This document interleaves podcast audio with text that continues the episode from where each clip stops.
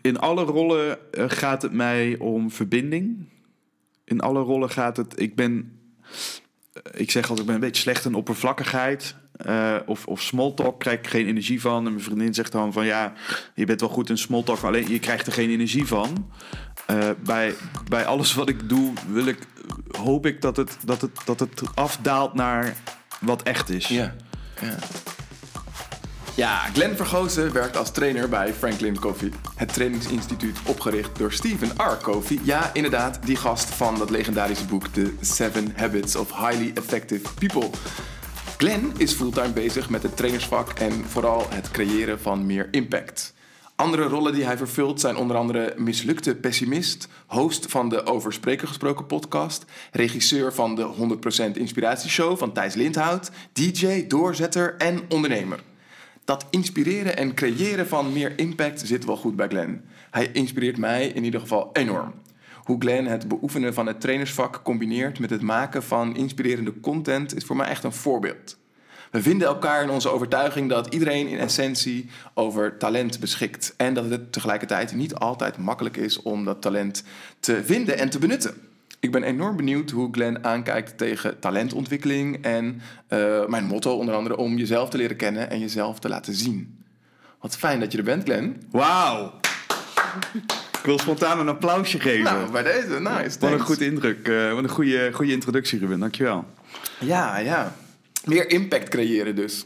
Wat betekent eh, impact creëren voor jou eigenlijk? Goeie, goeie eerste vraag. Ehm, impact creëren betekent dat je iets in beweging zet. En dat kan bij jezelf. Dus eh, creëren beweging, energie zou dat al kunnen zijn. Dus het hoeft niet eens letterlijk te zijn, maar energie. Ik, ik, je voelt als je geïnspireerd raakt, dat, dat gevoel dat je in de fik staat. Maar dat kan dus ook als je dat bij jezelf, dat vonkje als het ware. Het gaat over dat vonkje wat we, wat ik, net als wat jij net mooi zei, wat ik geloof dat iedereen een vonkje in zich heeft. Als je dat, ja, dat vonkje vlam laat vatten, dan maak je denk ik impact. En dat kan op individueel niveau, dat kan in een relatie. Als je man-vrouw bent, tot je kinderen, tot, tot vriendschappen. Maar als je, dat kan dan ook daarna in een team. En als je al die teams eh, vlam laat vatten, dan kan dat in een organisatie. En dan creëer je uiteindelijk een wildfire. Ja, ja. En dan, ja, dan, dan maak je wel, denk ik, impact. Dan heb je heel veel energie. En als je, dat, als je die energie kan kanaliseren naar iets, naar, ten goede van iets, ja, dan, dan, dan kom je wel eh, in beweging. Hey, wat gaaf dat je luistert naar de Creators Podcast. De podcast die je helpt om meer uit je ideeën te halen. Jij bent geweldig, dat weet ik gewoon. Maar laat jij wel genoeg van jezelf zien? Zien jouw ideeën voldoende daglicht? Ik ben jouw host, Ruben Klerks. En elke aflevering creëer ik samen met een andere gast een nieuwe bron van inspiratie om jou te helpen ook meer te creëren, meer van je ideeën te delen en meer van jezelf te laten zien. Luister lekker verder, raak geïnspireerd en dan, niet langer wachten, laat jezelf zien, maak die ideeën waar. Wat maakt het voor jou nog uit eh, waarvoor die energie wordt ingezet? Ja, maar dan heb je het dus wel meteen over een soort subjectiviteit. Waarvan ja, ik, ik onmogelijk vanuit mij op de stoel ga zitten wat goed of wat fout is. Ik vind vooral als, als vanuit, onder, vanuit hoe maken we impact, hoe ontstaat gedragsverandering, vind ik het vooral interessant wat dat creëert. En dan zijn ook de slechte voorbeelden in deze wereld. Als we kijken naar wat er in, eh, hè, tijdens de Tweede Wereldoorlog is gebeurd, vind ik vanuit sociologisch perspectief waanzinnig interessant. Ja. Wat is daar gebeurd waardoor er heel veel impact is gemaakt? Ja, misschien niet de impact die we willen, eh, maar wel, ja, dat, dus hè, snap je? Dus ik vind hoe dat ontstaat misschien nog wel interessanter dan wat er dan moet komen. Dat, daar durf ik zelf dan weer geen uitspraak over te doen. En wat doe jij om, ehm, om die vonkjes inderdaad te doen ontvlammen? Als trainer doe ik dat door eh, opleiding en training te verzorgen in teams, in organisaties. Dat kan op individueel niveau zijn. Dan gaat het over persoonlijk leiderschap. Leiderschap is voor mij invloed. Dus persoonlijk leiderschap is heb ik invloed op mijn gedrag. En leiderschap aan derden is heb ik invloed op, op de groep. Nou ja, daar, daar help ik mensen bij. En als sprekersregisseur help ik professionele sprekers hun verhaal gestalte te geven, zodat ze uiteindelijk met dat verhaal meer impact maken. Hmm. Vanuit de perceptie dat al die sprekers ja, een behoefte hebben, een enorme neiging om iets over de bühne te brengen. Hè, dus het zit een, een, een, kracht die eruit moet. Ja. dat vind ik gaaf om, om, om dat te kanaliseren. Nice. Wat, eh, heb jij zelf ook zo'n behoefte om, om een boodschap over de bühne te brengen? Dat ik begin dat is leuk omdat het nu de creators podcast is hè, en ik heb ik heb ook een aantal uh, interviews van je geluisterd. Um, je, raakt nu meteen misschien wel een van mijn grootste onzekerheden uh, en dat is om zelf uiteindelijk tot tot kleur te komen. Hmm. Of uh, de durf te hebben om dan wat ik vind uh, te uiten. Terwijl ik eigenlijk vooral ofwel spreekbuis ben van, van, van kennis die er al is. Hè. Bijvoorbeeld van Frank en Covey en de mooie programma's die in Amerika worden ontwikkeld. Of als sprekersregisseur, dan ben ik kat katalysator van het verhaal wat daar al in zit. als host van Over Sprekersproken podcast ben ik ook faciliterend. Ja. Dus ik merk, ik merk het in mijn werk vind ik het heel veilig, zou je kunnen zeggen, om vanuit die zijlijn faciliterend te zijn aan uh, nou, het verhaal van anderen. Ja. En als mensen dan zeggen, kom zelf eens op verhaal. Wat ik wel nu langzaam probeer te doen. Je maar zit dat, nu hier. ja, ik zit, dit vind ik dus al, dit vind ik al best wel ingewikkeld. Ja. Uh, om nu aan de andere kant van de wereld heb je dan Heb je dan het idee dat je, dat je dat verhaal nog niet weet? Dat je nog tot kleur moet komen, zoals je zegt? Of weet je ergens al welk kleurtje het is, maar zoek je nog manieren om dat dan ook inderdaad te brengen en te delen? Ja, goede vraag. Ik vind het niet weten te leuk. Hmm. Ja, leuk of veilig? Allebei. Ja. Dus het niet weten. Uh, een van mijn belangrijkste waarden is nieuwsgierigheid. En zolang ik het niet weet, uh, blijf ik dus per definitie nieuwsgierig naar anderen. Uh, en, en de veiligheid zit hem in dat een coach ooit zei tegen mij: Glenn, you consume, don't digest. Hmm. En dat was nogal confronterend, maar wel raak. Uh, dus ik kan, ik kan alles tot mij nemen. En, dat, en misschien herkennen luisteraars dat ook wel. De, de enorme eagerness om te leren, om te groeien. Maar ja, je kan honderd boeken lezen, maar als je niet de tijd neemt om dat te internaliseren. En vervolgens dat, dat, ja, daar ook echt iets mee te doen. Dat dus uiteindelijk ook weer op te nemen, maar uiteindelijk ook weer door te geven. Ja, wat heb je er dan aan? Ja. Dus dat, uh, nou, dat, dat, dat is een les waardoor ik nu uh, bezig ben met, met dat boek, met mijn boek bijvoorbeeld. Of met. Je boek? Een boek, ja. Vertel, Net zoals wat jij, uh, toch? Dit is zo'n eh, zo'n project wat dan, uh, ja, waar, waar, je aan start. En ik heb geen idee wanneer dat het af is. maar, maar dat dwingt wel op een positieve manier om uiteindelijk tot creëren te komen. Ja. Nou ja, dat, vind ik heel herkenbaar. Um, ik denk uh, dat ik wel twintig niet afgeschreven boeken heb. ja, precies. Um, en, maar dus ook ergens altijd um, die wens of behoefte om uh, inderdaad een boek te schrijven. En dat terwijl ik daarmee bezig ben, dat, dat het onderwerp van het boek ook nog steeds wisselt. En dan denk ik, nee, hier moet het echt over gaan. Dit is, dit is wat, ik, wat ik wil vertellen. Maar heb, heb jij al wel een idee van waar jouw boek over uh, gaat of moet gaan? Ja, dat begint wel vorm te krijgen. En ik herken heel erg wat je zegt. Eh, in dat onderzoek ontstaan er nu een soort van zes concepten tot, tot, tot boeken. Uh, en ik vind de uitspraak van Elizabeth Gilbert, uh, die Big Magic heeft geschreven, uh, echt een aanrader als, als je wilt creëren. Die doorloopt gewoon één voor één alle hindernissen omdat mensen niet creëren. En zij zegt op een gegeven moment van ja, de grote valkuil van een perfectionist is dat je dus het beste boek ooit wilt schrijven. Als het gaat over een boek, maar het kan ook de beste whatever je wilt creëren zijn. Uh, beste film, beste lied. Uh, alleen het probleem dan is dat het nooit afkomt.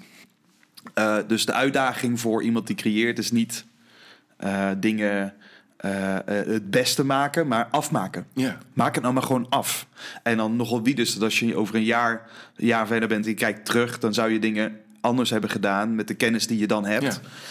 Uh, nou, dat, dat, dankjewel Elisabeth Keel, want ik moet het nu wel nog zelf in de praktijk brengen. En ben je, ben je bereid om het onderwerp van het boek te delen? Of is dat nog, eh, nog under construction? Ja, ik kan, ik kan, wel, ik kan wel, wel wat eh franjes delen. Maar ik vind het ook spannend, omdat ik dus iedere keer... iedere keer als mensen me nou vragen, dan geef ik weer een ander antwoord. Dus Ja. ik pin me er niet op vast, oké? Nee, Oké, dus eh, als je luistert, het kan ook prima over een half jaar totaal ander boek zijn geworden. Ja, ja, precies. En, en, Maar dan, nu? en, en dat komt dan misschien, dat boek komt, dat, dit boek komt dan misschien Ja. weer op een later moment. Weet je wel, dus de volgordelijkheid kan veranderen. Wat mij enorm fascineert is waarom we doen wat we doen. En een, een heel klein, heel klein hoofdstukje in het boek van, van Stephen Covey, Seven Habits, is, is, is, geeft hij, probeert hij antwoord te geven op die vraag. Waarom we doen wat we doen. En wat hij in het heel kort zegt, is de manier waarop we de wereld zien, bepaalt in grote mate wat we doen. Dat is gedrag. En dat wat we dagelijks, hoe we ons gedragen, vormen gewoontes. En dat die vormen uiteindelijk ons resultaat, dat Ja. wat we krijgen. Dus hij heeft een kort model, dat is zien, doen, krijgen. En dat wat we krijgen is vaak weer een bevestiging van wat we al dachten te zien. Ja, Daar komt hè, die, die denkfouten vandaan, die biases. ja. Ehm, ik vind dat concept waanzinnig interessant. En wat ik nu doe, is ik ben dat concept ga ik, ga ik wat eigenlijk één, één kort elementje is in dat hele boek. Eh, ik heb nu het idee om dat helemaal uit te bouwen, waardoor ik echt dat zien, wat, de elementen van wat maakt dat, dat je een bepaalde mindset hebt, die ga ik helemaal uitbouwen. Wat zijn dan de gedragingen die je helpen om uiteindelijk nou, daar ook iets aan, eh, om dat te beïnvloeden, zodat uiteindelijk we de resultaten krijgen die we willen. Eh, dus ik wil dat concept van invloed, ja. eh, dat, dat ben ik nu in het verdiepen. Wauw. Klinkt goed. Ja? Ja, ja. Ja, dus dan, dan heb je het ook over... ehm, over, over die filters waar je eigenlijk doorheen kijkt... eh, die maken dat je iets ehm, op een bepaalde manier ziet. Ja. Ja, en dat zijn, hè, dat zijn gedachten, dat zijn gevoelens. Eh, dat zijn, dat komt natuurlijk voor een groot deel van waar, waar- hoe je bent opgevoed, je opvoeding, je cultuur. Het zijn heel veel dingen die uiteindelijk maken dat je iets ziet als waarheid. Ja, Alleen ja, de grootste denkfout die we natuurlijk daarin maken is dat we, de weer, dat we denken dat we de wereld zien zoals die is, maar we zien de wereld zoals we zelf zijn. ja, Dus de wereld om ons heen is per definitie een spiegel van wat er zich intern al manifesteert. En op het moment dat je dat doorhebt, op het moment dat je snapt dat wat jij ziet niet de waarheid is, dan valt zoveel gewicht van je af. ja. Dan wordt het dus zoveel gemakkelijker om open te staan, om nieuwsgierig te zijn, om jezelf te verwonderen, om erachter te komen dat wat ik zie iets totaal anders kan zijn dan wat jij ziet. Eh, en voor mij is dat wel een van de grootste schakels die ik zelf heb doorgemaakt als in mijn, in mijn persoonlijke ontwikkeling. Zo mooi dat ik ook gewoon zie dat, het, dat, dat andere mensen dat ook gewoon moeten weten en begrijpen. Ja. Om willen zichzelf de goede kant op te sturen. Nou ja, eigenlijk anderen ook die nieuws, nieuwsgierigheid die je zelf bezit eh, ook eh, gunnen. Ja. Ja, zeker de afgelopen anderhalf jaar eh, eh, en en de afgelopen jaren inmiddels eh, met de crisis die we hebben gehad, merk ik ook bij mezelf als ik gestrest raak dat ik de neiging heb om te versnellen. En misschien herken je dat ook. dat ik dan, oh, weet je wel, dan ga ik, dan probeer ik de hele tijd meer te doen in minder tijd. En, maar dat is natuurlijk, daar zit een grens aan. Eh, mensen werken zich allemaal, allemaal een burn-out in omdat we meer proberen te doen in minder tijd. Ja, In plaats van de juiste dingen doen. ja, Voel je het verschil? ja, ja, ja enorm, ja. En dat vraagt vertragen. ja. En dat vraagt dus in plaats van als je dus niet de resultaten krijgt die je wilt, niet iets anders gaan doen per se. Want dat is de valkuil, dat we meteen van meteen iets anders gaan doen. Ja. Nee, het vraagt vertragen, even omhoog, hè, helikopterview en na te denken, hé, wat, wat gebeurt er nu? ja. Zie ik wel zoals het, hè, zie ik zoals het zou moeten zijn? Is de overtuigingen die ik heb helpend voor wat ik wil? Ehm, en dat slow down in order to speed up. Ja, dat, dat was mijn mantra in de afgelopen paar jaar. En dat heeft me, heeft me wel overeind gehouden. Hoe heb je dat, eh, hoe heb je dat aangepakt? Eh, vertragen? Ik vind het namelijk zelf een, een, een van de grootste uitdagingen inderdaad. Zoals je al als voorbeeld schetst. Ja, dat is het ook. Dat is ook een uitdaging. Het, voor mijn gevoel, voor mij was het een turning point bij accepteren. Dus vertragen kan pas gebeuren als ik accepteer wat er gebeurt. En wat ik daarmee bedoel is toen in 2020 eh, ineens eh, in maart heel mijn agenda leeg werd ge- geknald. En ik stond iedere dag voor een groep. En ineens was dat niet meer zo. Maar ik werk fulltime bij Frankie Coffee. Dus binnen een week stond ik niet meer voor een groep, maar stond ik voor een computer. En moest ik... eh, Zoom en. Teams sessies te, te doen. ik zag ineens talking heads op een schermpje. En ik dacht, pff, hoe, ga ik dit, hoe ga ik dit voor elkaar krijgen? Eh, maar ja, eh, dan zit je dus in die disruptie. Dat je voor. eh, Je zegt tegen jezelf: Ik heb geen andere keuze. En je bent vooral aan het schoppen tegen wat je niet kan veranderen. Want die stomme corona en, en- en die stomme regering. En alles is stom. En dan ben je nog een beetje naïef, hè? Ze noemen dat eh, in verandering de honeymoon. Dat je denkt, Ja. oh, dit vliegt wel weer over. En dan gaan we weer naar het oude normaal. Het heeft voor mij echt van, van maart tot denk eind mei. Dus het heeft gewoon drie maanden totale disruptie geduurd voordat ik een beetje ging accepteren van oké, dit gaat niet zomaar voorbij. Dit zal nog wel heel lang blijven. En ik heb hier een keuze te maken. Namelijk de keuze, accepteer ik dit? Of blijf ik er tegen verzetten? Ja. Stop ik mijn hoofd in het zand voor de verandering? En dat vind ik wel mooi wat Koffie zegt. Verandering is een constante. Eh, dus of dat nou honderden jaar geleden dachten ze ook... Oh, dit, dit, dit is de grootste verandering die de mensheid ooit heeft gekend. Maar die verandering die versnelt... Dat, dat zeggen ze elk decennium. ja, dat eh, zeggen ze maar- altijd. Ja, Dus het gaat toch niet zozeer over of het verandert. Het gaat er over hoe weerhoud ik mij... of verhoud ik mij tot die verandering. Ja. En wat het mooie is, vanaf dat je dus accepteert dat dingen veranderen... en dat je dus stopt je daartegen te verzetten... dan voel je in plaats van dat je heel erg duwt of heel erg tegenhoudt... Valt, dan ons, komt er ontspanning. Ja. En ik denk dat die ontspanning wel de eerste stap is om überhaupt te kunnen vertragen. Want als je vertraagt zonder te accepteren, is zit er on- dan kom je alleen maar in contact met onrust. Ja. En dat is zo vervelend dat we toch maar weer gaan rennen. Dus in mijn geval was dat oké. ik ga alles wat ik niet kan veranderen, ga ik accepteren. Nou, dus corona kan ik niet veranderen. Oké, check. Dat, gaan we accepteren. Wat, wat Den Haag doet, kan ik niet veranderen. Oké, dat ga ik accepteren. En dan ontstaat de vrijheid om te veranderen wat ik niet kan accepteren.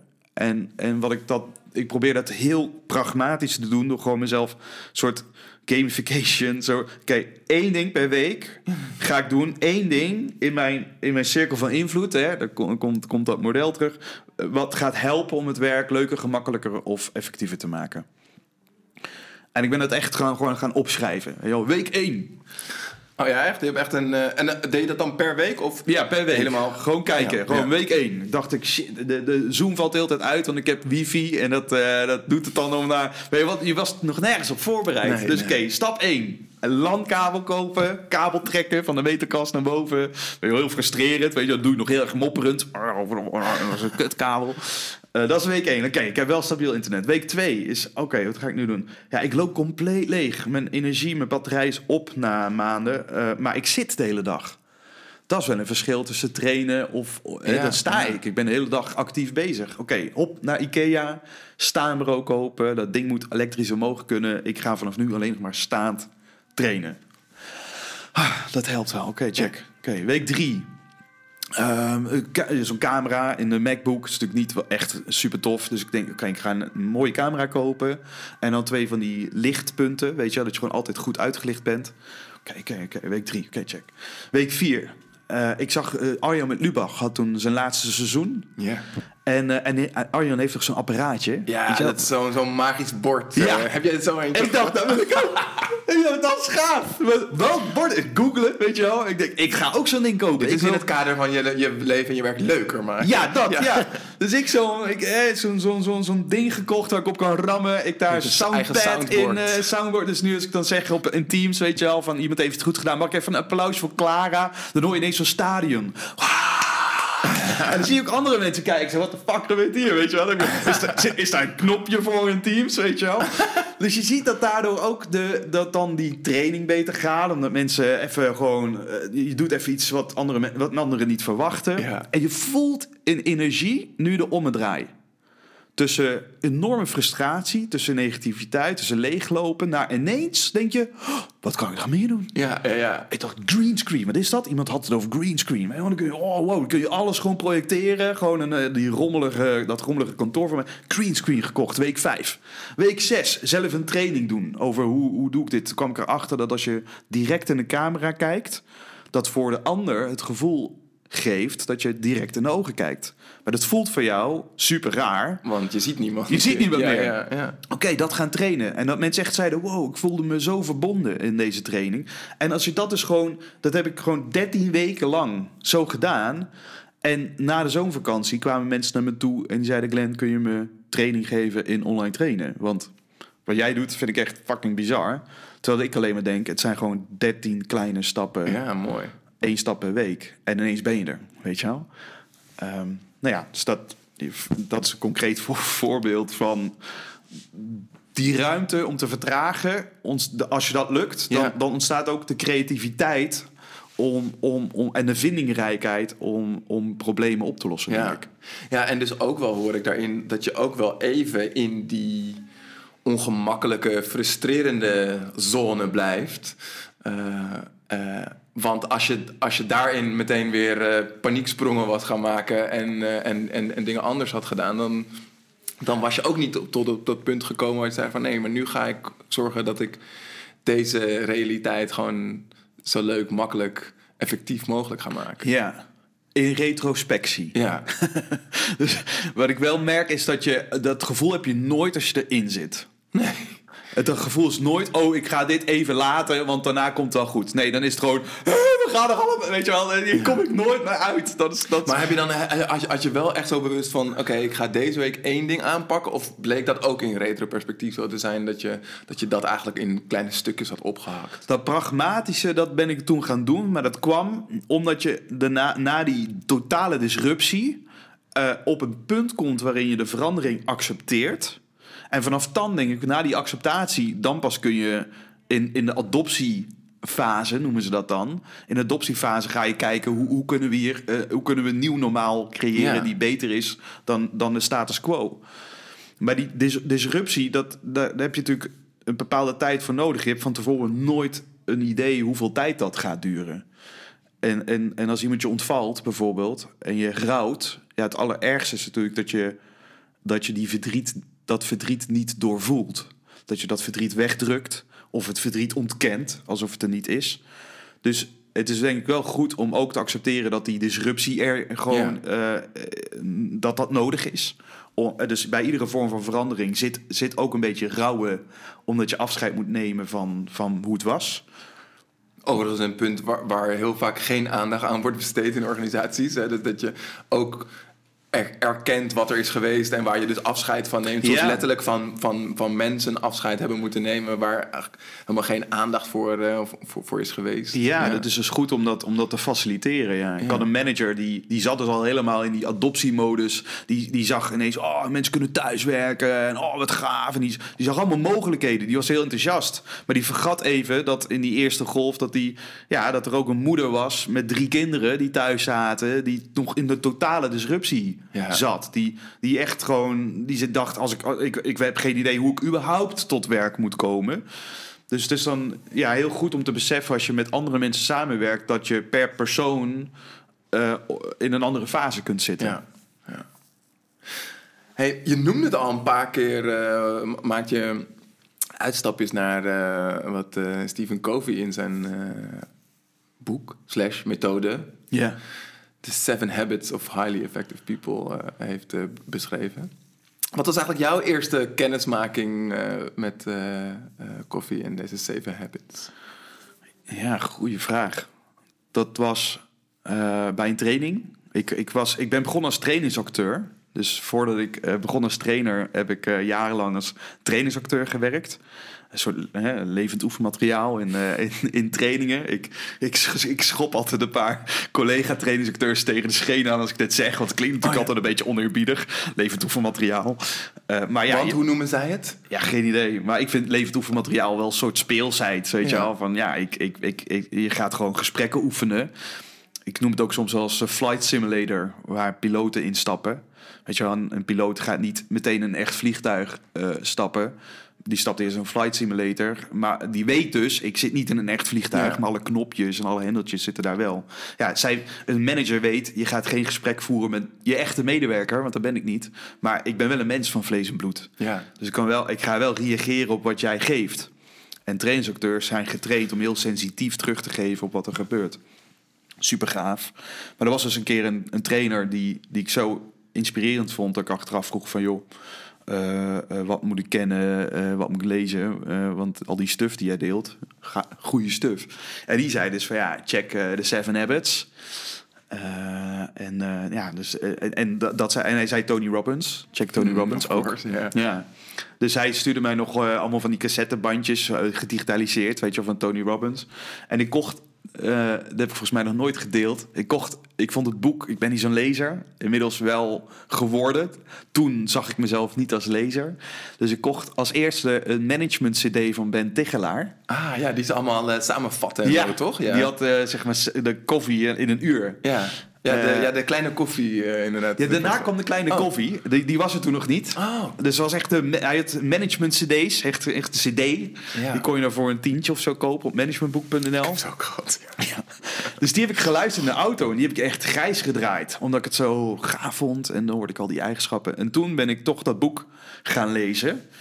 Ja, en het was gewoon... Ik heb thuis nog, eh, weet je wel, van die eerste journals... waarin gewoon in die eerste journals samenvattingen stonden van dat boek. Dus dat is, is voor mij een soort gateway geweest naar heel veel andere boeken, heel Ja. veel andere theorieën. Dat hoor je van heel veel mensen. hè? Dat, dat, Ja? dat, eh, dat koffie een soort van instappunt is. Omdat hij zoveel erin heeft samengebracht. Dat, het, ja, dat mensen dat boek ergens als, als, als eerste lezen. Of als, als eerste in hun pad eh, van het zelf on- ontwikkelen, persoonlijke ontwikkeling. En dan daarna nog meer gaan, eh, gaan lezen. Dat heb jij ook gedaan. Ja, dat was bij mij hetzelfde. Ja. En dat maakt natuurlijk ook dat toen ik me verder ontwikkelde als, als trainer, dat ja, toen ik de kans kreeg om, om voor zijn instituut te werken, dat ik dacht, nou, dit, dit, ga ik, dit, dit moeten we gewoon eh, dit moeten we doen. En hoe lang doe je dat nu al? Vijf jaar. Wat, is, wat, wat, wat, wat, heb je het meest geleerd uit deze periode dat je dan ook echt voor- in zijn instituut werkt? Voor zijn instituut werkt? Wat ik het meest heb geleerd is vooral met Frankie Coffee is een wereldwijd instituut dat bedrijven helpt, organisaties helpt. Ik was heel lang natuurlijk heel erg vooral gefocust op persoonlijke ontwikkeling. Maar ik had, ik had eigenlijk nauwelijks business credibility. Ik had eigenlijk heel weinig ervaring. Hoe werken bedrijven eigenlijk? Hoe werkt zo'n cultuur? Want een cultuur is het collectieve gedrag van alle mensen die er werken. Dus als je ja, eh, persoonlijke ontwikkeling is zeg maar het microniveau Ja. van, van, van wat je in een organisatie wil doen. Dan, dan, als je iedereen daarin een stapje kunt laten zetten in persoonlijke ontwikkeling, is dat fijn. Dan gaan ze betere gesprekken voeren. Dan gaan ze een agenda beter plannen. Dan wordt het gemakkelijker om werk-privébalans te behouden. Maar je hebt ook leiders nodig. Inspirerende leiders die aanzetten tot vrijwillig volgen. Die dat niet doen omdat ze een leidinggevende positie hebben, maar Ja. de keuze pakken om leiding te geven.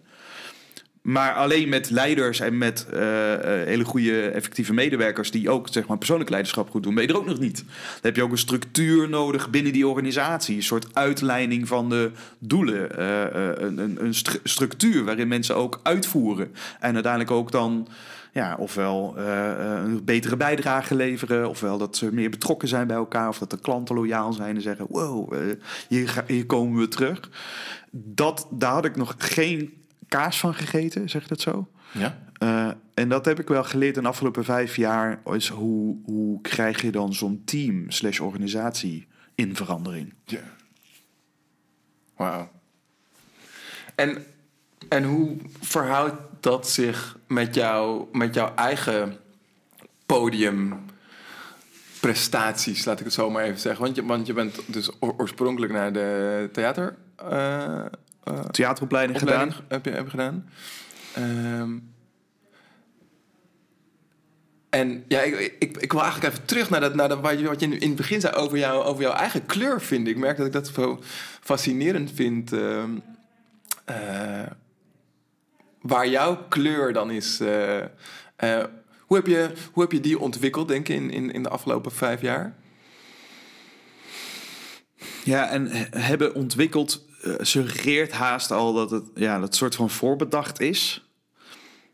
Ik merk heel erg op het moment dat we bezig zijn met bijvoorbeeld mission statements maken en nadenken over wat wil ik eigenlijk en think and grow rich en al die methodes die helpen om een soort vergezicht te maken.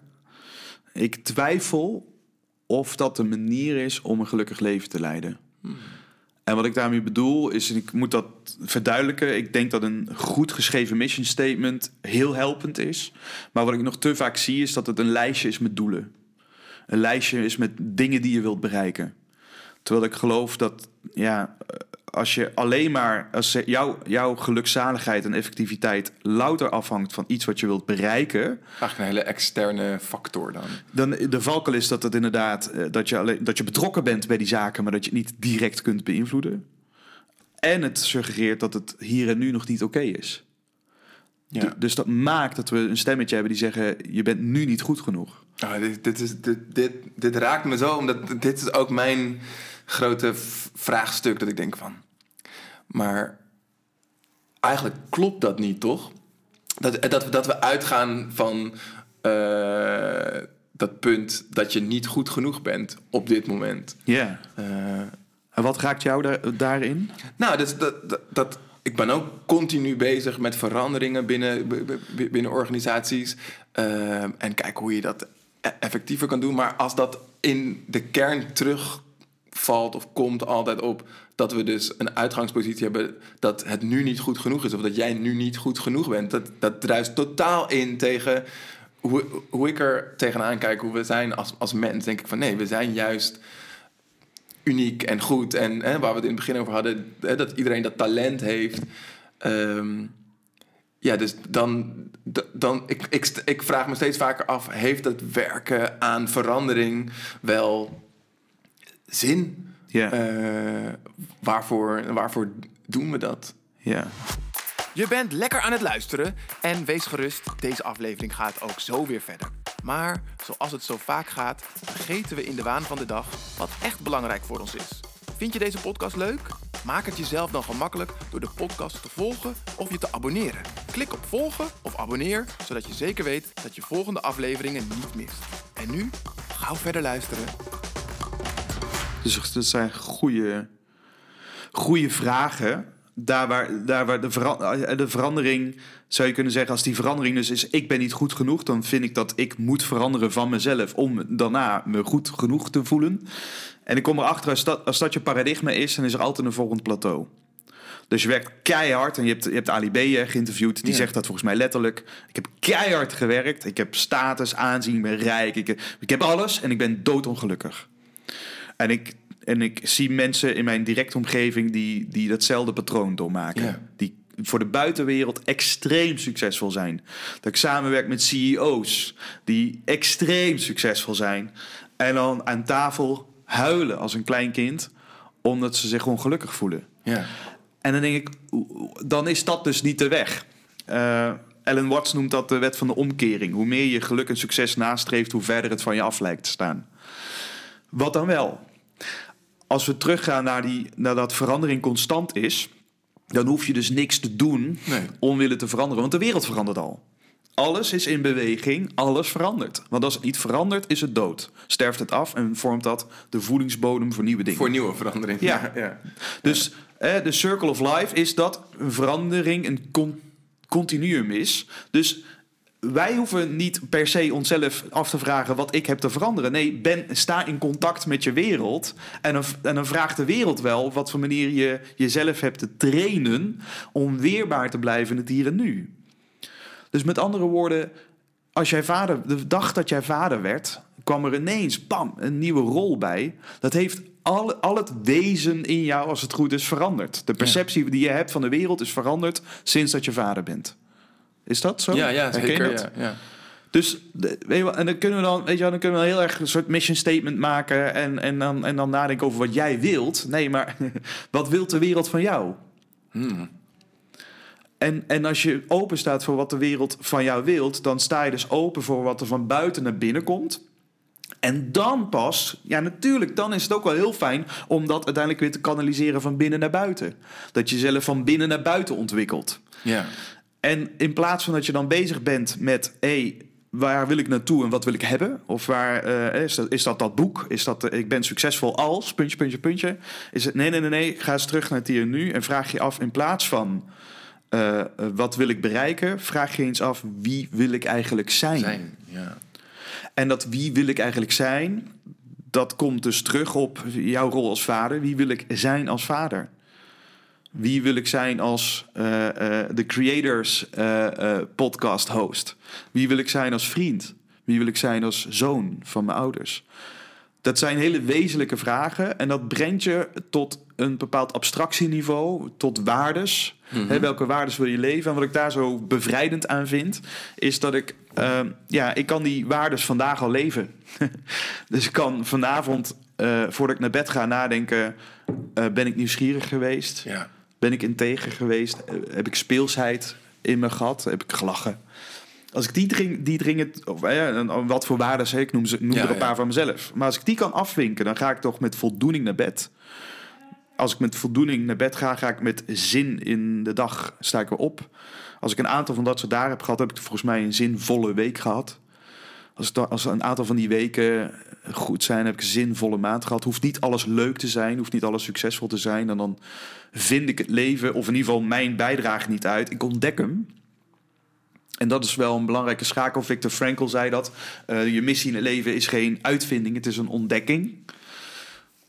En, en dat maakt dus ook dat die kleur, ja, ja ik heb, die ontstaat, denk ik, wel. Ja. Ik doe nu de dingen die ik belangrijk vind. Ik doe nu de dingen waar ik blij van word. Ja, en waar het dan naartoe gaat, eerlijk gezegd, geen idee. Nee. En als je de kleine, ik ben nog steeds niet groot voor stuk, maar als je de Glenn van tien jaar geleden eh, vroeg van waar sta je over tien jaar, had ik nooit durven noemen waar ik nu sta. Dus ik had het niet eens kunnen bedenken, Nee. tien jaar geleden. Want hoe zou je het nu beschrijven waar je, waar je nu staat? Ehm eventjes, laten we zeggen, er zijn luisteraars die jou niet kennen. Nee, nee, waarschijnlijk uh, denkt merendeel wie de, fuck, wie de fuck is die gozer. Maar waar, maar waar staat hij? Hij klinkt in ieder geval leuk. Nou, dat kan ik ook wel, want eh, hij, hij, hij heeft een podcast. Dus eh, ik vind trouwens dat jij echt een super stem hebt voor een, voor een podcast. Oh, dankjewel. Het is echt nice om, om, om, om naar te luisteren. Maar waar sta jij nu?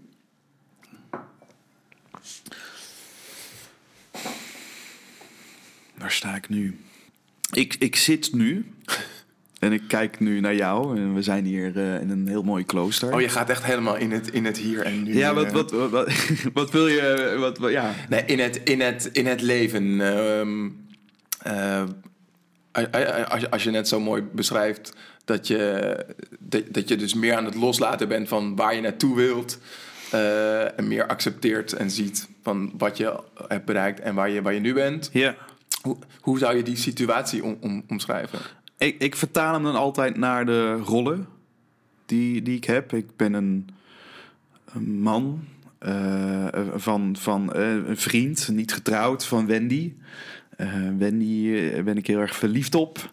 Eh is een hele um, fijne vrouw om mee samen te zijn. Ik ben bonusvader van drie kindjes. Dat is een bijzonder ingewikkelde, maar bijzondere reis. Eh, eh, er zit, hè, we, we praten over of we zelf eh, nog willen kijken of het mogelijk is om, om zelf echt vader te worden. Dus dat zijn twee belangrijke rollen. Ik ben zoon van ouders, wat ook een hele reis is. met uitdagingen, met, met dingen waar ik van hou. Ik, ik hou zielsveel van, van beide ouders. Los van dat ze niet bij elkaar zijn, allebei hertrouwd. Eh, dus allebei een heel eigen leven. Ik ben broer van drie zusjes. Ehm, ik ben eh, trainer bij Frank Coffee. Dat vind ik gaaf om te doen. Ik ben sprekersregisseur. Eh, binnen de sprekersregisseur regisseer ik professionele sprekers. En ik heb de podcast, de Over Spreken Gesproken podcast. Ik ben vriend van een aantal hele fijne mensen. Ik ben door de jaren heen kritischer geworden met wie ik mijn tijd wil delen. En ik merk wel dat, dat, soms ook, dat ik dat soms ook niet moet bedenken. Ik ben ineens beste vriend, een van mijn beste vrienden is mijn buurman. Sinds een paar jaar. Want ja, hè, dan, eh, we waren al heel goed. Maar ja, ineens eh, was dus de omstandigheden maken. Ah, Dat- jullie konden over de heg heen. eh, Ja, Ja, ja. en dat je elkaar dus ook dan, doordat het dichter op elkaar zit, zoek je elkaar op. En, en, en zolang je dus maar mensen hebt om je heen om, om in, in verbinding te staan, om te Ja. delen. Ehm, ja, dat, ik, dit zijn volgens mij wel de belangrijkste rollen die ik Rollen, nu vertolk. Is er een rode draad in al die rollen te vinden? In hoe jij bent in al die rollen? In alle rollen eh, gaat het mij om verbinding. In alle rollen gaat het. Ik ben. eh, Ik zeg altijd, ik ben een beetje slecht in oppervlakkigheid. eh, of, of small talk krijg ik geen energie van. En mijn vriendin zegt dan van ja, je bent wel goed in small talk, alleen je krijgt er geen energie van. Eh, bij, bij alles wat ik doe, wil ik, hoop ik dat het, dat, het, dat het afdaalt naar wat echt is. Ja. ja. En of dat nou een podcast-interview is, of het nou een gesprek is met mijn vriendin, of het nou filosoferen is met mijn buurman onder het genot van een, een rode port en, eh, en een eh, filosofieles die we samen doorlopen overigens, Oh, die leuk. avondopleiding filosofie. Ehm, ja, dat, dat, dat, de- als daar, daar voed ik en laaf ik me aan. Eh, echt, echte verbinding. Ja. Ja. Herkenbaar. Ja, mooi. En ehm, in jouw podcast over spreken gesproken, ehm, heb je nu volgens mij eh, tegen de tijd dat we dit uitzenden tegen de 100 afleveringen gemaakt. Ja, we gaan eh, van de 90 nu eh, richting, richting de 100. Ja. Ja. Ja. Damn. Over spreken gesproken. Ehm, wat, was de, wat, was de, wat was de eerste intentie om die podcast te maken? De, de eerste intentie was, was stiekem eh, heel erg pragmatisch van aard. Ik moest steeds vaker spreken als spreker. eh, eh, binnen Frankie Coffee ook. En, en ze gingen hier bij Frankie Coffee eruit van ja, dat is een, gauw- een koud kunstje. Want je bent, ja, je bent, toch, je bent theatermaker geweest. Dus dat doe je even. Ik dacht dat zelf ook. Dacht, dat doe ik wel even. En dat ging hopeloos ging, ging dat eh, mis. Eh, in die zin dat ik merkte dat ik in mijn performersrol schoot toen ik op het podium stond. En dat dat totaal niet aansloot bij, bij de mensen in het publiek. Want wat is een performersrol? Ja, dat- dat je gaat, dat je gaat entertainen. En, eh, en dat, is, dat is tot zekere hoogte is dat oké. maar als dat, als dat entertainen een verbloeming is van je eigen onzekerheid... dan prikken mensen daar doorheen. Ja. Ik kwam er ineens achter, als acteur was ik altijd gewend om in een rol te kruipen. Want ik was dus nooit mezelf. Dus ik had geen gêne als acteur, want ik was, het gaat niet om mij, het gaat om de vertolking van die rol. En ineens stond ik uit naam van mezelf. Ja. Dat zie je soms toch ook in Amerika, weet je. Heb je van die, van die gigantisch goede acteurs. En daar worden allemaal van die onzekere, gekke mensen in zo'n talkshow, weet je wel. Die komen dan en het, is- het- je voelt gewoon een ongemak. Ja. En ik herken dat nu. Ik denk dan gewoon van ja, dus ik, ik kwam ineens achter van shit, eh, slapeloze nachten, klotsende oksels. Wat gebeurt hier? Ik werd dus vooral zelf geraakt door, wow, dit is ingewikkelder dan ik dacht. En ik vind het kei leuk om te doen. Eh, maar er, ja, ik zie mensen om ons heen, zoals Jos Burgers, Remco Klaassen, Pachelle van Goetem, Jitske Kramer. Mensen die dat moeiteloos lijken te doen. Ja, lijken. Ja. ja. En toen dacht ik, oké, ik, wil, ik wil met hun hangen. Eh, maar als ik hun opbel en ik zeg, laat een kopje koffie drinken, dat is geen eh, win, win. Dus ik dacht, als ik nou professionele... Ook eh, ko- koffie trouwens, eh, win-win. Ja, voor degene ja, die. Ja, ja. En ik, ja, en ik, eh, ik regisseerde bijvoorbeeld Thijs Lindhout al. En Thijs Lindhout heeft natuurlijk een bekende podcast. Ja. Eh, eh, dus dan, dan helpt dat, dat je je omringt met mensen die, al iets, die dan al iets doen. Sidney Brouwer was al een vriend. Dus ik dacht van nou, dan, dan check ik hoe hun dat precies doen. En dan ga ik dat ook doen. En, en, eh, maar dan, als ik het doe, dan wil ik het wel goed doen. Dus dan wil ik me wel... Ik heb er echt al maanden over nagedacht. Ga ik dit doen? Vanuit de gedachte, oké, dus ik, ik wil met die mensen hangen... zodat ik ervan kan leren. Zodat ik met meer trefzekerheid op dat podium kan staan. Maar ik zag hier ook wel een soort combinatie van, de, van mijn theaterachtergrond... En, en, en mijn werk als trainer. Dat ik dacht, hé, hey, ik zag nog... Er bestond nog geen Nederlandse podcast over spreken met impact Ja. over beïnvloeding, effectieve communicatie. Dat ik dacht, nou, als dit experiment werkt, en dat wist ik nog niet, ja, dan wilde ik wel al, dan wil ik wel gewoon dat we dit gewoon, dat we dit voor lange termijn zouden kunnen doen. Ja. Dus ik begon eh, eh, door mezelf eerst vast te zetten en duizenden euro's uit te geven aan apparatuur. Herkenbaar. Ja, zo van, ja, ik heb een stok achter de deur nodig, weet je wel. Ik, Ja, ook omdat het gewoon leuk is, maar, eh, maar in je hebt het candy eigenlijk store, ja. helemaal niet nodig om Nee. te kunnen beginnen. Dan krijg ik nu ook heel vaak, wat voor apparatuur heb jij? Ik zeg, ja, als je echt wil beginnen, begin gewoon met je telefoon, weet je wel. Eh, ga gewoon lekker uitproberen. Dat heb ik ook al gedaan. Ik heb een paar vrienden zo gedwongen om te interviewen. Gewoon te kijken of ik dat leuk zou vinden. Anderhalf uur een gesprek. Vond ik kei leuk om paar van mijn vrienden te interviewen en dingen te horen van Ja. hen die ik nog niet wist.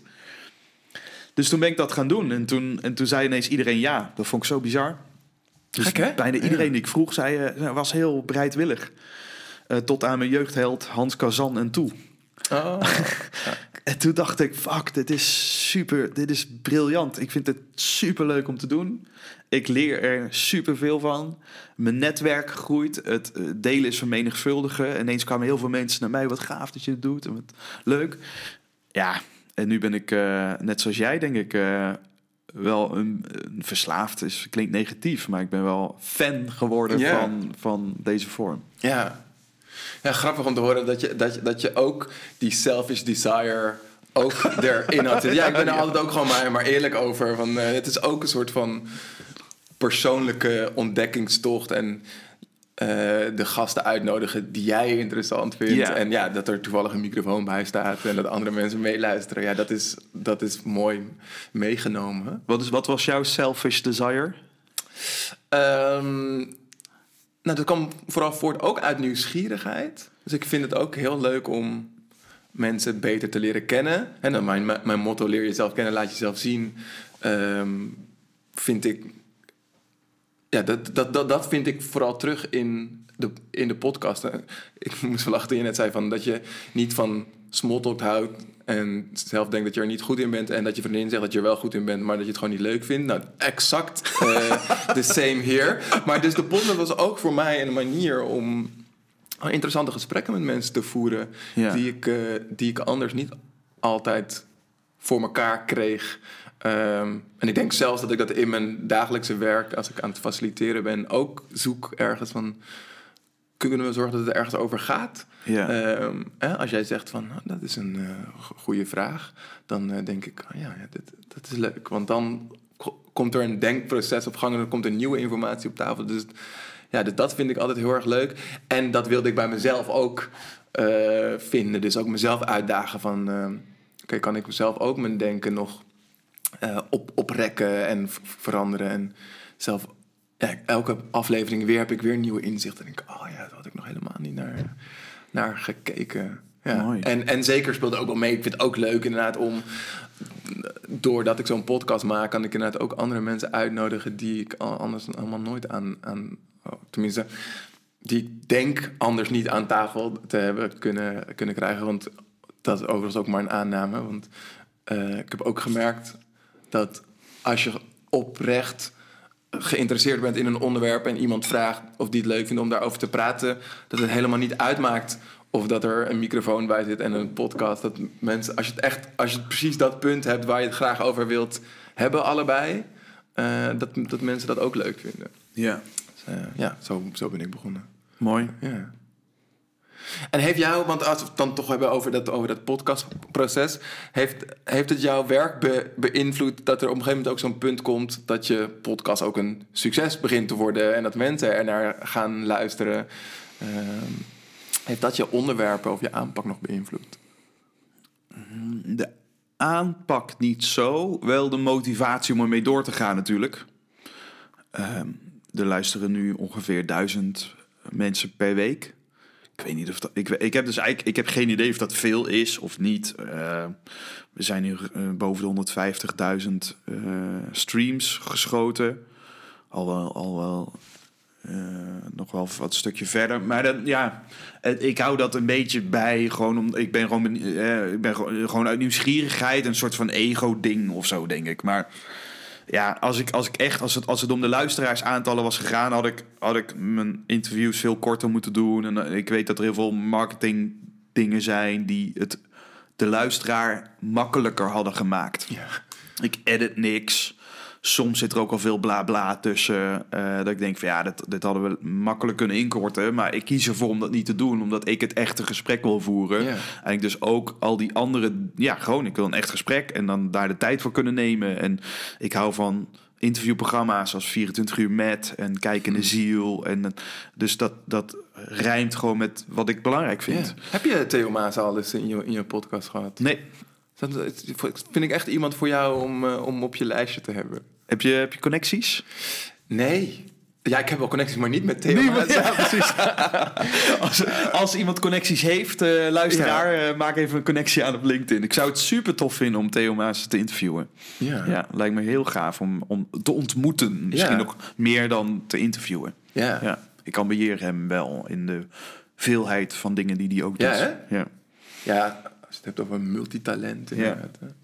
Dus wat ik, ik merk dat eh, toen ik op een gegeven moment word dan het onderwerp spreken een beetje beu. Eh, en, en, en, dan, en, dan ga, en dan bedacht ik ook, ik ga specials doen. Ja. En ik had een special De Taal van de Liefde. Want dat kwam omdat ik toen vrijgezel was. En, en, en dacht, hoe doe ik dit? Ook een selfish desire. maar en toen ja, dacht hoe ik, dit ik, beter doen? ik ga die mensen... En toen in de coronatijd kwam eh, Online Impact.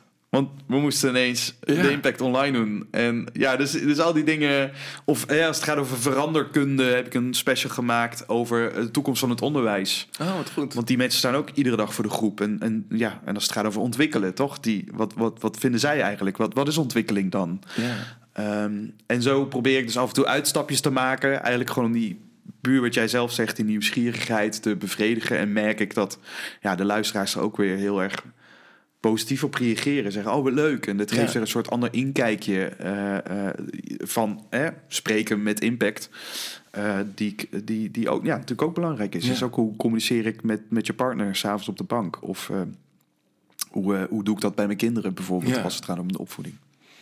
Ja, dus, dus het begon als echt spreken op een podium en hoe je dat beter kan doen. Maar dat is inmiddels uitge- uitgegroeid tot dat je verschillende specials maakt en dat je spreken eigenlijk veel breder eh, trekt. Ja. Taal of communicatie misschien. Ja, het gaat nu veel meer inderdaad over communicatie, over eh, eh, een beetje het, de platgeslagen marketingterm is praten met resultaten.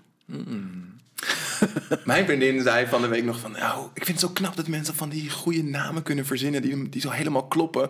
En dat ging over, over spreken gesproken. Dat vond ze briljant. Maar dat praten met resultaten zit ook wel in het rijtje. Die, eh, Wekt inderdaad lekker. Maar, En dat eh, allemaal gejat hoor. Dat is dus ook wel als het gaat over creëren. eh, stoppen met de illusie hebben om origineel Ja. te zijn.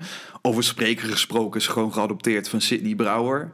Nu ga ik even de credits geven dat mensen is die dat toekomen. fijn, want dan is het, dan is het minder, minder jatten. Dan, ja, eh, dus over ja. klanten gesproken was zijn podcast, had hij al. En ik dacht, oh, over spreek gesproken is dubbel. Dus dat vond ik in de beteken, ja, dat vond ik gewoon een mooie titel dan. Over, Ja. We praten over spreken. Eh, dus ik vroeg gewoon hem, mag ik, eh, mag ik die twee woorden adopteren? Uh, Maar dan vind ik het eigenlijk al niet eens jatten. Want dan, ik, hier zit eigenlijk al jouw creativiteit in. Dat je, dat je iets pakt en het eigenlijk nog beter maakt. Ja. Want ik vind niks ten nadele van Sidney Brouwer... maar over klanten gesproken lang niet zo tof klinken... als over spreken gesproken. Ja. Eh, dat is een beetje net als dat eh, Theo Maas in zo'n podcast... ehm, wat zeg je nou? Ehm gevorderde voor beginners. Ervaring voor beginners. Ja, ja, ja, precies. Er- er- ervaring voor beginners. Dat, daar zit dan... Soort dubbelheid in. Ja, ik ben wel gek, gek met taal. Ja. En bijvoorbeeld Patrick van Geels was de tweede persoon die ik interviewde. Nou, die is ook he- helemaal gek van taal. En die zegt, pitchen is praten met resultaten. En hij is pitchkoning. Dus eh, ik ook, Patrick, dankjewel. Dus ik roep nu ook af en toe, eh, de podcast is voor mensen die willen praten met resultaten. Ja. Oh, wat goed. Ja. Ja, ja want ik heb het idee dat, dat daar best veel eh, aandacht en vraag naar is. Ook, zeg maar, spreken in het openbaar. Ja. Eh, eh, ik heb eh, laatst ook eh, Eva Brouwer geïnterviewd. Ah, leuk. we ook over publiekelijk spreken. Ja. Maar het- ik vind het zo bijzonder dat het zo'n... Het is een van de grootste angsten van mensen. ja, Eh, hoe denk jij dat dat komt? Dat mensen dat zo spannend vinden? dat is een goede vraag. Ik, ik heb er, daar denk ik veel over na. Wat maakt dat dat, dat dat zo spannend is? En ik denk dat het voornamelijk komt omdat het zo kwetsbaar is. Jij, jij zegt bijvoorbeeld, eh, deze podcast is ook voor, voor mezelf en voor luisteraars die zichzelf beter willen leren kennen en zich beter willen leren zien. Ja. Dus, dus kennen en zien. En voor mij eh, gaat spreken dus over jezelf durven laten zien. ja, enorm. Ja. En, en dan kom je dus bij dat kennen. Dus op het moment dat je jezelf niet kent, op het moment dat je niet vertrouw, jezelf als een geloofwaardig persoon ziet, dan gaan natuurlijk alle alarmbellen af op het moment dat je eh, op een podium staat. Dus als het gaat over, hè, we doen een, eh, bij Wim Hof doen we een ijsbad om, eh, om gewoon een bepaalde doorbraak te creëren. Bij Tony Robbins doen we, gaan we met onze blote voeten over kolen heen lopen. Als ik ooit wijze van spreken een seminar zou gaan geven, ja, dan zou je eh, geloofwaardig op het podium gaan staan eh, met heel veel toehoorders die naar je kijken. Eh, omdat, ik, om, omdat wat er gebeurt, wat op zo'n podium, de copings die dan omhoog schieten, zijn één op één te leggen bij de uitdagingen die je in het echte leven ook tegenkomt. Wat, voor, wat voor copinggedrag zie je dan? Een coping is dat je jezelf gaat beschermen. Is dat je eh, letterlijk een gesloten, ik doe het nu, Mhm. een gesloten houding hebt. Sommige mensen die schuifelen langzaam, dat ze nog net achter de flip over eh, eh, komen te staan. Soort van gaan verstoppen. Ja, eh, andere coping is we, gaan in, we vallen in spraakwaterval. Dus we gaan praten, praten, praten, zolang er maar geen stilte is. Want dan voel ik, dan hoef ik maar geen contact te maken met de onrust die je dan voelt. Een andere is dat, dat, we, dat we een soort van onze buis, vuisten gaan ballen. Dat we eigenlijk heel, veel spanning, Heel, ja. heel veel spanning gaan ervaren. Je ziet mensen die. Als, een, hè, als je naar een dierentuin gaat, zie je soms dieren, beren, zie je, daar komt het woord ijsberen Mm. ook vandaan. Die zie je dan zo op en neer pendelen. Dat doen dieren als ze in balingschap zitten. Als ze gevangen zijn, dan gaan Ja, ze op en neer in, want pendelen. in vrijheid doen ze dat nooit. Nee. nee. En dat doen dus mensen op een podium ook. Die gaan op en neer pendelen de hele tijd. Die staan niet stil. Ja, dus, dus dat zijn allemaal patronen, onbewuste patronen die omhoog borrelen op het moment dat je op zo'n podium staat. En dat vraagt dus allereerst bewustwording en durven voelen, durven Ja. accepteren wat is, om, om, om jezelf weer ontspannen te maken. En Pascelle van Goetem, eh, een overtuigingsexpert in Nederland, die, die heeft veel onderzoek daarna gedaan. En die zegt dat overtuigende mensen bovenal ontspannen zijn. Dus gespannen mensen, we hebben spiegelneuronen die instant aanvoelen wat, wat, wat, wat, wat, wat er ook op het podium staat. Dus als jij heel erg gespannen op dat podium staat, dan wij voelen dat. Dat, Ja. dat resoneert. En dan krijgen we soms, eh, dat, of we zijn daar niet bewust van, maar we, gaan dan, we sluiten onszelf ook dan onbewust af. Of we krijgen hier een soort van sympathie voor die persoon die op het podium staat. Van, oh, Germ, haal hem even weg. Je wel? Oh, Ja. Zorg dat het stopt. Weet je, we, krijgen, we voelen gewoon dat ongemak. plaatsvervangende schaamte Ja. bijna. Ja. Oh, en, het, en het is zo zonde. Want als we invloed willen maken, dan gaan we terug naar het begin. Als je impact wil maken, kun je dat doen één op één. Maar soms is het natuurlijk veel sneller en, Ja. en veel, is je impact veel groter als je eh, in plaats van honderd keer één op één gesprekken te voeren, om dan maar honderd man bij elkaar te zetten en het verhaal één keer te delen. Maar dan zullen we wel dat spreken serieus moeten nemen. Dan zullen we dat moeten zien als ambacht. En dat snapten de filosofen van meer dan 2000 jaar geleden veel beter dan dat we dat nu snappen. Daar, daar heette dat retorica. Ja. was gewoon een vak. Dat vak krijgen we nu nauwelijks meer op school. Dan moet je echt universiteit doen en dan komt het ineens weer voorbij. Dan leer je debatteren. Maar ik heb het nooit gehad op school. Heb jij ooit eh, spreken, eh, retorica gehad op school? Nou, toevallig. Nee, ja, ik, weet, ik weet wel dat we, dat, dat, dat we daar wel aandacht aan he- hebben besteed. Inderdaad, retorica en ook debatvoering. Ehm, maar dan ging het meer over inderdaad de retoriek. Of wat zijn dan goede argumenten? Of wat zijn drog eh, redenaties? Maar, maar, maar niet zozeer over jou als redenaar voor een, voor een groep. Hoe je Ja. dat kan oefenen. Als we kijken hè, naar de, de Aristoteles zei pathos, ethos, logos. Eh, dat, dan ging het dus bij jullie ging het vooral over logos, dus Ja. de logica achter taal, de logica van argumenten. Ja. En de ethos is natuurlijk, is, is ben, je, ben je iemand die te vertrouwen is? Eh, ben je ethisch? Mhm. Eh, en hoe zie ik mezelf dan? Eh, hoe zie ik, wat is mijn intentie hier eigenlijk? Wat kom ik hier eigenlijk doen? Weet ik dat?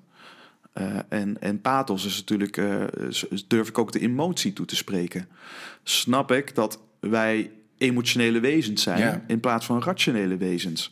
Dus als ik impact wil maken, heb ik in de corporate wereld echt jongens, ik vind het zo verbazingwekkend dat al het onderzoek laat zien dat we emotionele, Emotie, ja. emotionele wezens zijn met een ratio in plaats van rationele wezens met een emotie. En toch proberen we elkaar louter op ratio te overtuigen. Ja. Nee, als, ook al heb je honderd argumenten die echt wel hout snijden, op het moment dat ik jou zie en ik vertrouw je niet, het voelt niet lekker, ja, dat- dan, doen men, dan gaan Nee, mensen niet Ja. voor je rennen. Dus je zal de emotie moeten toespreken. Je zal, ja, en dat vind ik, dat vind ik natuurlijk als, dat vind ik waanzinnig interessant om erachter te komen hoe werkt dat. Ja, en, en daarmee is denk ik op een podium stappen en jezelf laten zien ook een enorm kwetsbaar proces. Want ehm, je stelt je eigenlijk bloot aan dat moment waar dat mensen jou kunnen zien en kunnen ja, oordelen klinkt misschien een beetje zwaar, maar of, of jij inderdaad eh, diegene bent die je zegt te zijn, of dat we met z'n allen daar lekker doorheen gaan, eh, gaan prikken. Ja. Ja. En je ziet ook wel dat het steeds belangrijker wordt natuurlijk. Dat het vertrouwen in het publieke domein afneemt. En dat zie je maatschappelijk gezien, eh, zie je dat, hè, dat dat een uitdaging wordt. Dus ik geloof gewoon dat in de ene kant de social media met de, ja, de, de, on, hè, de onechtheid... dat we ook weer langzaam een soort tegenbeweging maken. En dat juist het eh, naturel zijn of het, eh, het, het, het, het houden van een kilootje meer. eh, dat, dat, er, dat er een tegenbeweging gaan is waarbij we de echte mens willen zien in plaats van de opgepoetste mens. En tegelijkertijd denk ik wel dat er nog een hoop individual, individualiteit is. En, en, en geloof ik dat invloed altijd samenhangt met de kwaliteit van contact. Ja. Dan kom je weer op die verbinding. Ja, en dan Ja. komen we weer bij die verbinding. En ik denk wel dat, ja, je kan... Het, ik wil graag authentiek zijn. Ja, maar wat is authenticiteit dan? Volgens mij is die authenticiteit is niet... ik doe maar wat ik wil, want dan ben ik authentiek. Nee, authenticiteit is weten wat je belangrijk vindt. En daar mag je voor gaan staan. Eh, maar dat doe je wel in verbinding tot die ander. Ja. Want je kan anders zo overtuigd zijn van jouw gelijk... eh, zonder in contact te zijn met de ander. Ja, en dan verlies je, dan is je, je invloed op. Ja, ja dan, dan ben je elkaar sowieso kwijt. Ja, dan gaan we groep toeteren naar elkaar. Ja. Maar er komt niks aan.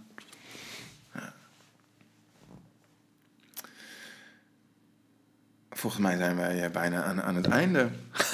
ik zit nog even te denken, zijn er nog dingen waarvan jij zegt van... Maar dit hebben we nog niet besproken. Wat ik, wat, wat ik nog wel even kwijt wil voordat eh, jij gaat afronden, Ruben. Want, eh, Nou, wat, wat, als jij dit, eh, wij hebben het over gehad. Wat, wat, als, als we dit nu langzaam.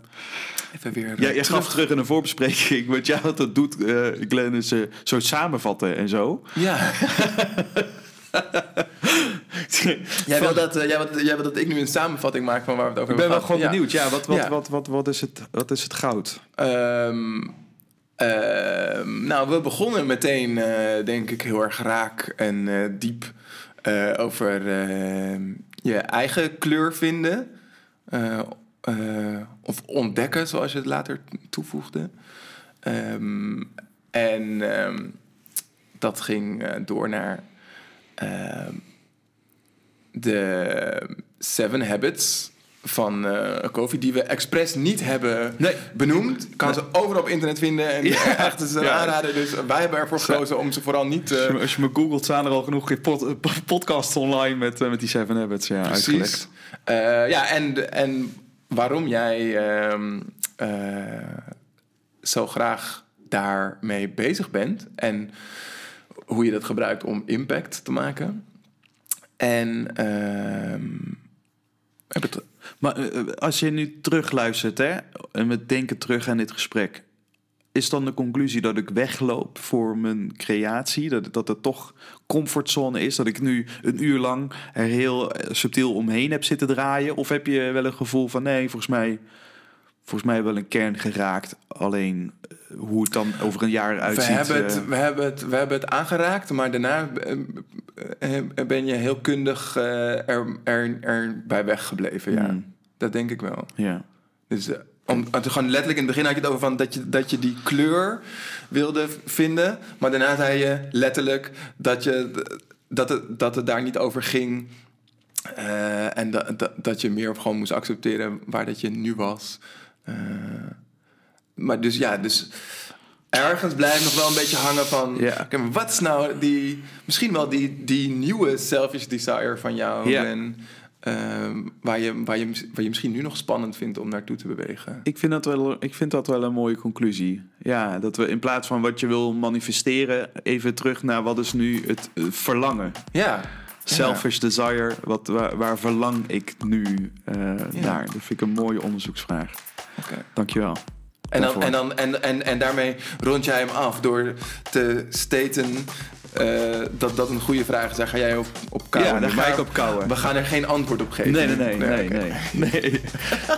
Nee, nee maar dat, dat vind ik gaaf. En eh, geeft deze podcast geeft mij ook weer eh, de, een inzicht. Dus dan is het voor mij... Ik laat je daarmee wegkomen, mits we dan nog wel een keer via de app contact hebben als je eh, antwoorden op die vraag hebt eh, Oké. bedacht. Dat, dat ben ik benieuwd naar. Beloofd. Ja? Ja. Thanks. Dankjewel, man. Wil je nou verder praten en in actie komen over dit onderwerp? Ga dan naar onze website creatorscompany.nl en bekijk en luister welke vragen en oefeningen Glenn Vergozen nog voor je heeft om jezelf beter te leren kennen, om zo comfortabeler te kunnen spreken. In de volgende aflevering spreek ik met Raymond Deloze, auteur van Hoe je de beste versie van jezelf wordt en waarom je dat vooral niet moet willen. Tot de volgende Creators Podcast.